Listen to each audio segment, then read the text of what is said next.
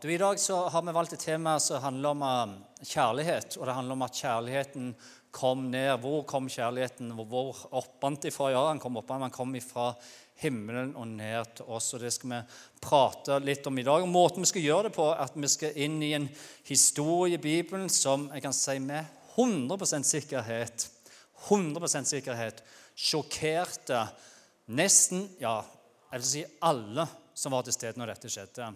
Dette var en sjokkerende hendelse, og det er Jesus som gjør det.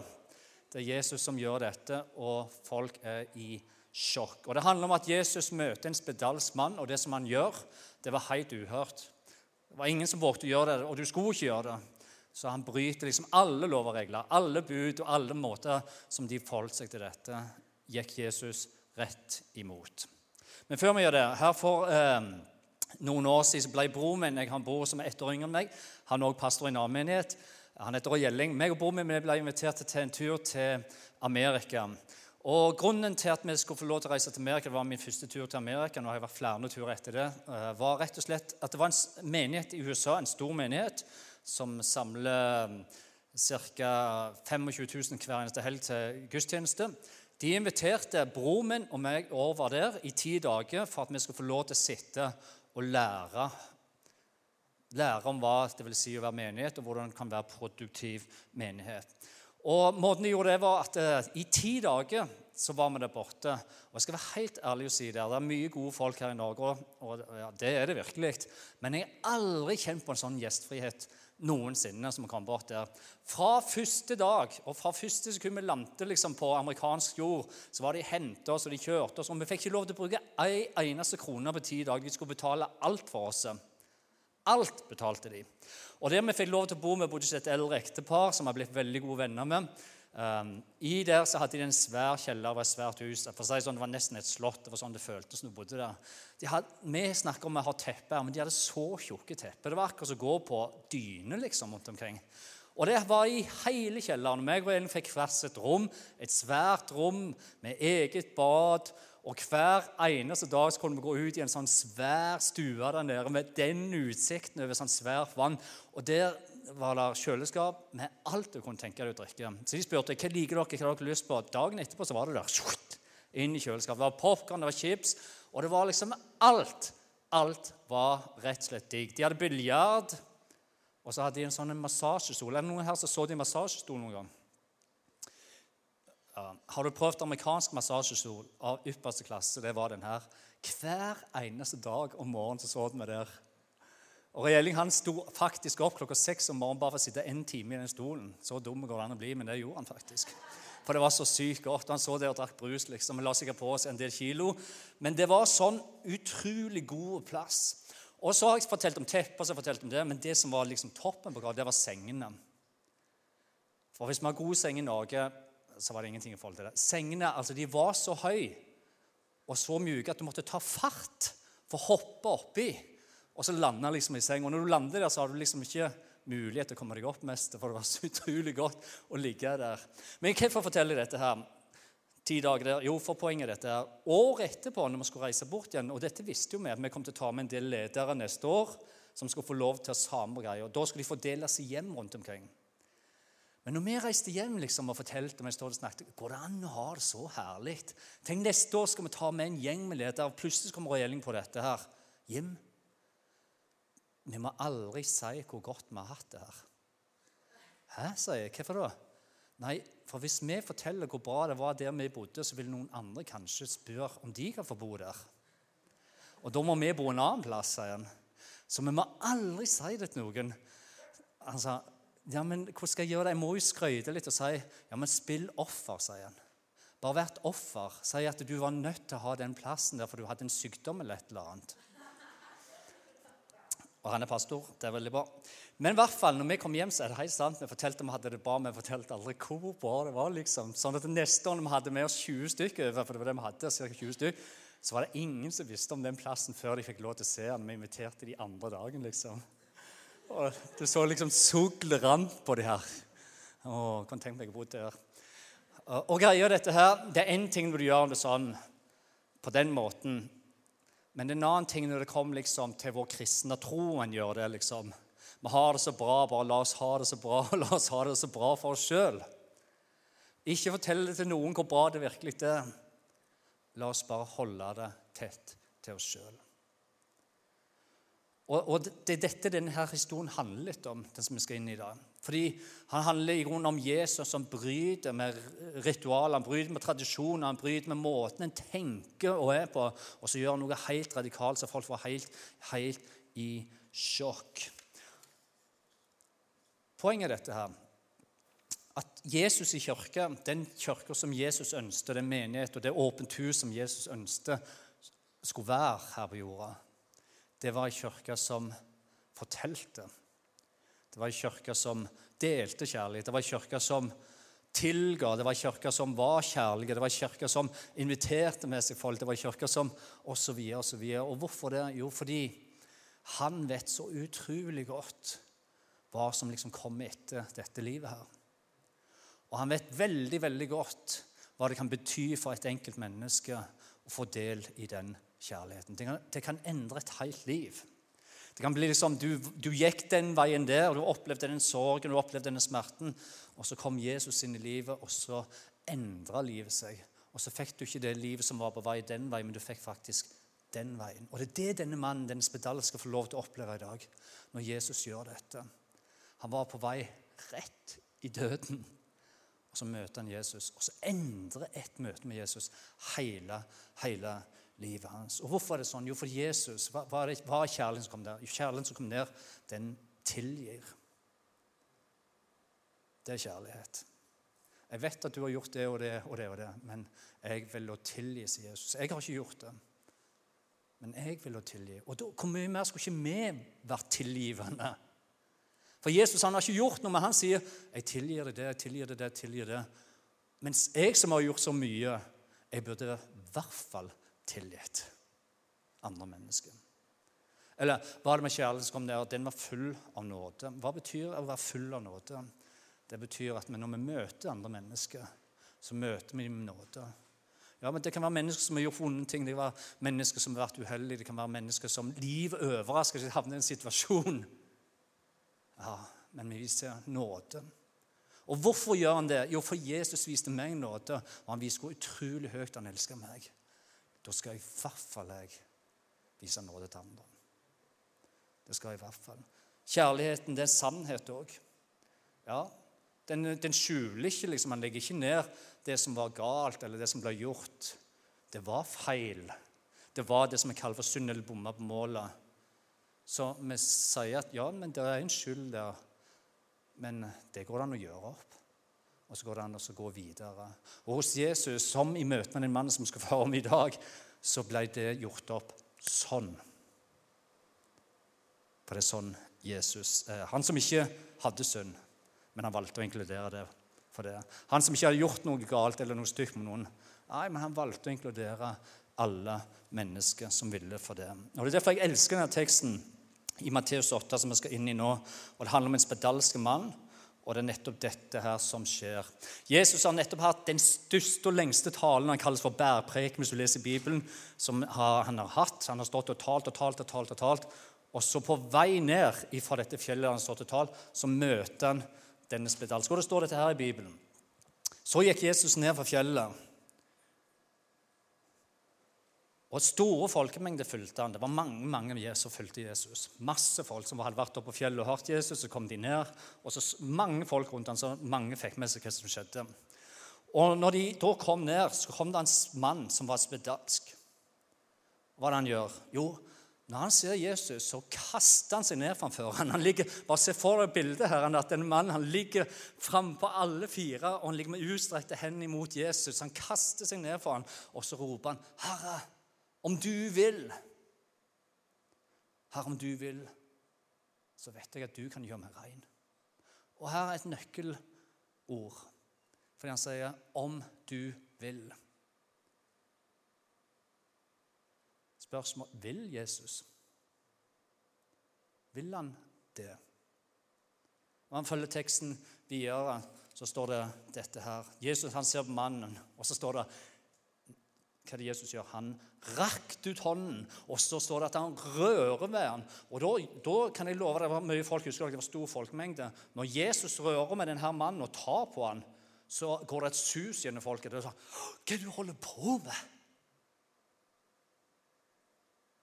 Og hvorfor må det ha gått et sus gjennom folket? Jo, fordi denne mannen var spedalsk.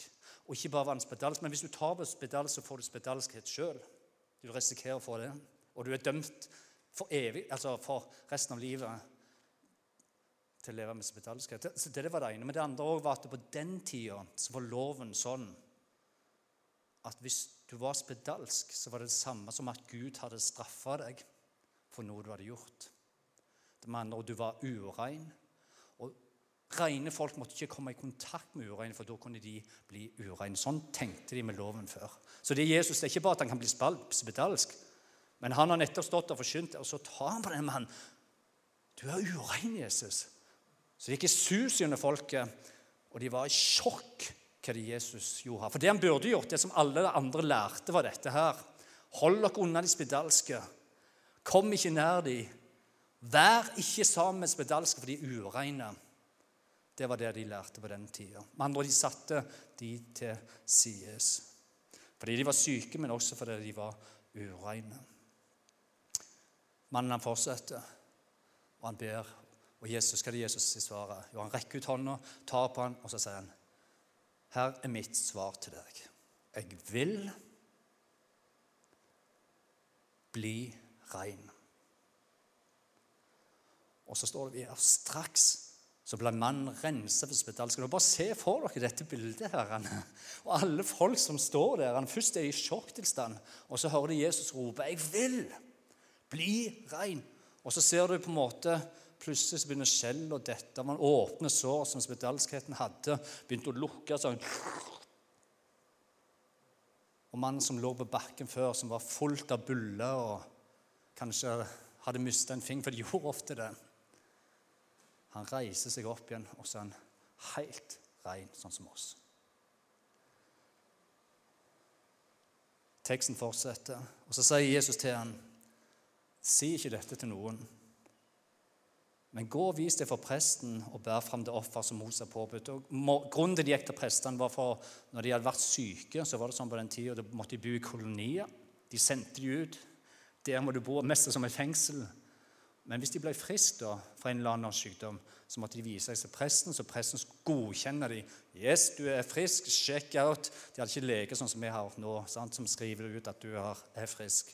Det var derfor prestene gjorde dette. Og så står det at dette skal være et vitnesbyrd for prestene. Tingene med spedalskhet, bare for å det veldig kjapt. Vi, vi, kjenner jo ikke til det her i Norge, i det hele tatt, men det finnes spedalskhet på jorda ennå ganske mange plasser. faktisk. Men på den tida var det veldig vanlig. Men hva er spedalskhet? Hva er det? Jo, det er noe som angriper nervesystemet vårt. De fikk åpne sår. Eh, huden sprakk. Og Mange ganger så mista de følelser i både fingre og tær, sånn at um, de råtna på en måte på innsida. Derfor så kunne de miste fingrene og tærne uten at de kjente det. Så mista de de. Ofte, som ofte så ble de blind etter en stund. Um, og Med en gang du fikk det, og med en gang det ble påvist, så ble du bortvist.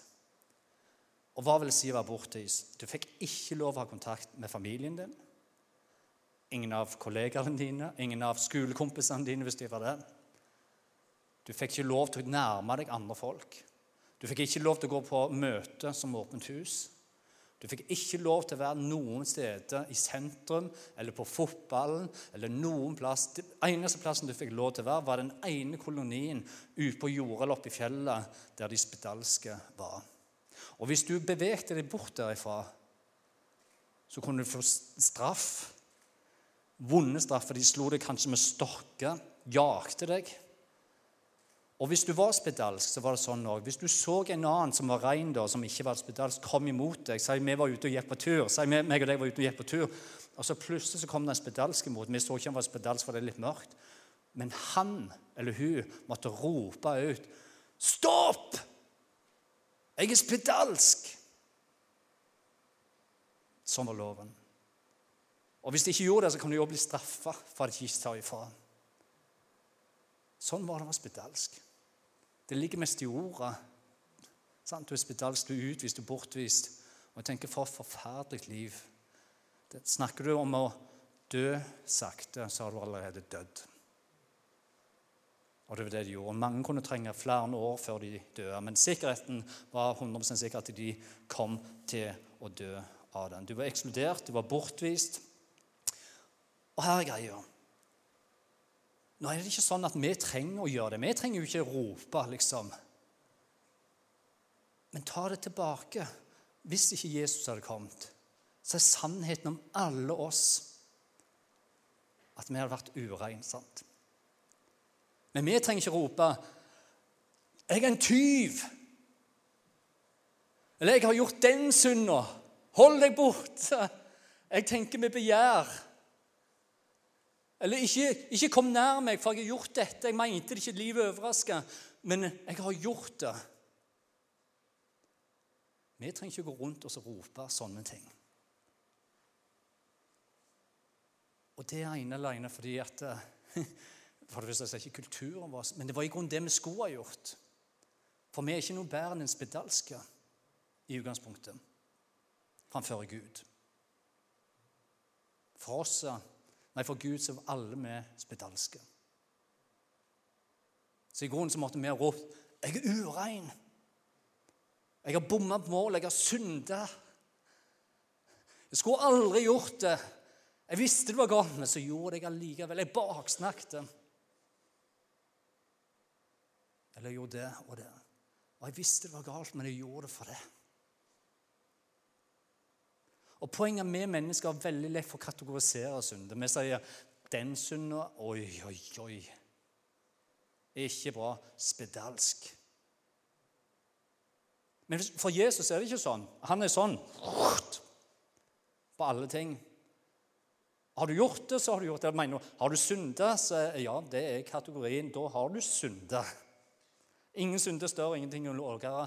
Har du baksnakket, akkurat det samme som noe annet. Med andre ord, du er spedalsk. Urein. Men heldigvis, for at kjærligheten kom ned Heldigvis er det sånn med oss som det var for denne spedalske. Uansett hva du har gjort, uansett hva du har erfart, om det var noen som gjorde noe imot deg, som du kjenner Jeg føler meg som spedalsk, jeg er skitten. Eller hva det enn skulle være en har gjort sjøl.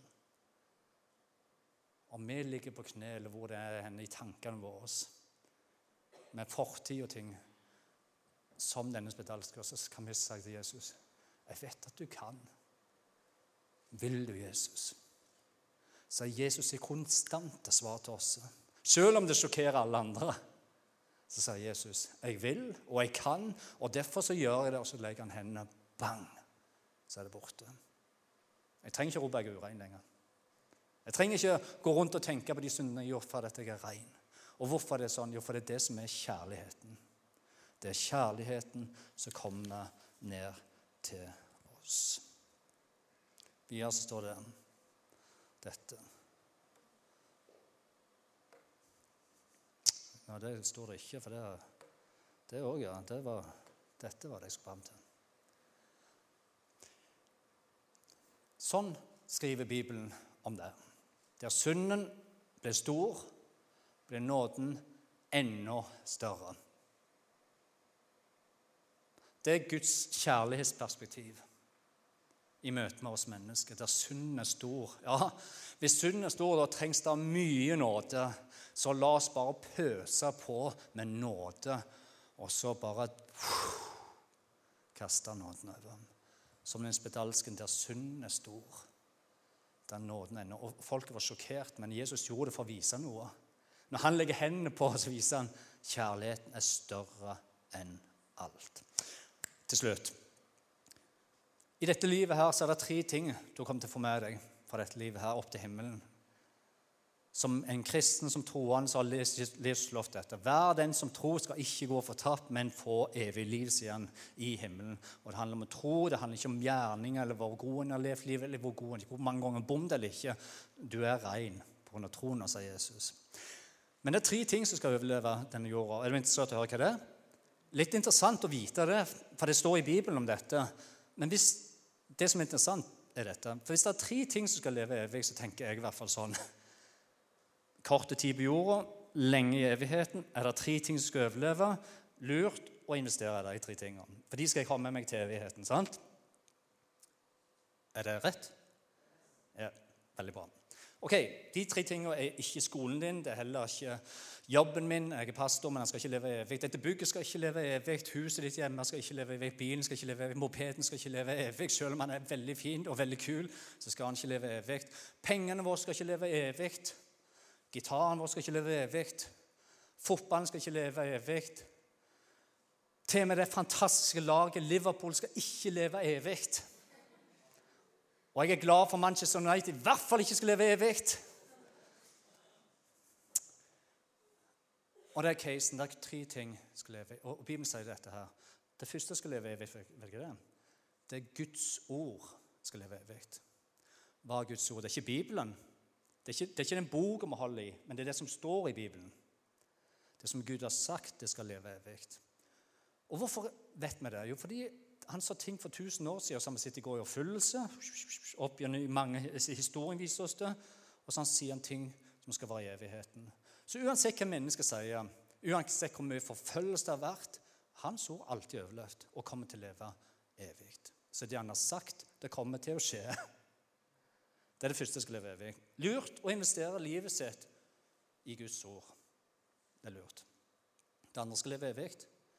Er hans familie. Det har han lovt i sitt ord mange plasser. og Når vi snakker om menigheten, om kirka, ikke om bygget, men om de troende kristne. Det skal leve evig. Og hvorfor er det sånn? Jo, fordi kjærligheten valgte å komme ned for å gi dere det evighetslivet. Før var dere spedalske, spedalske.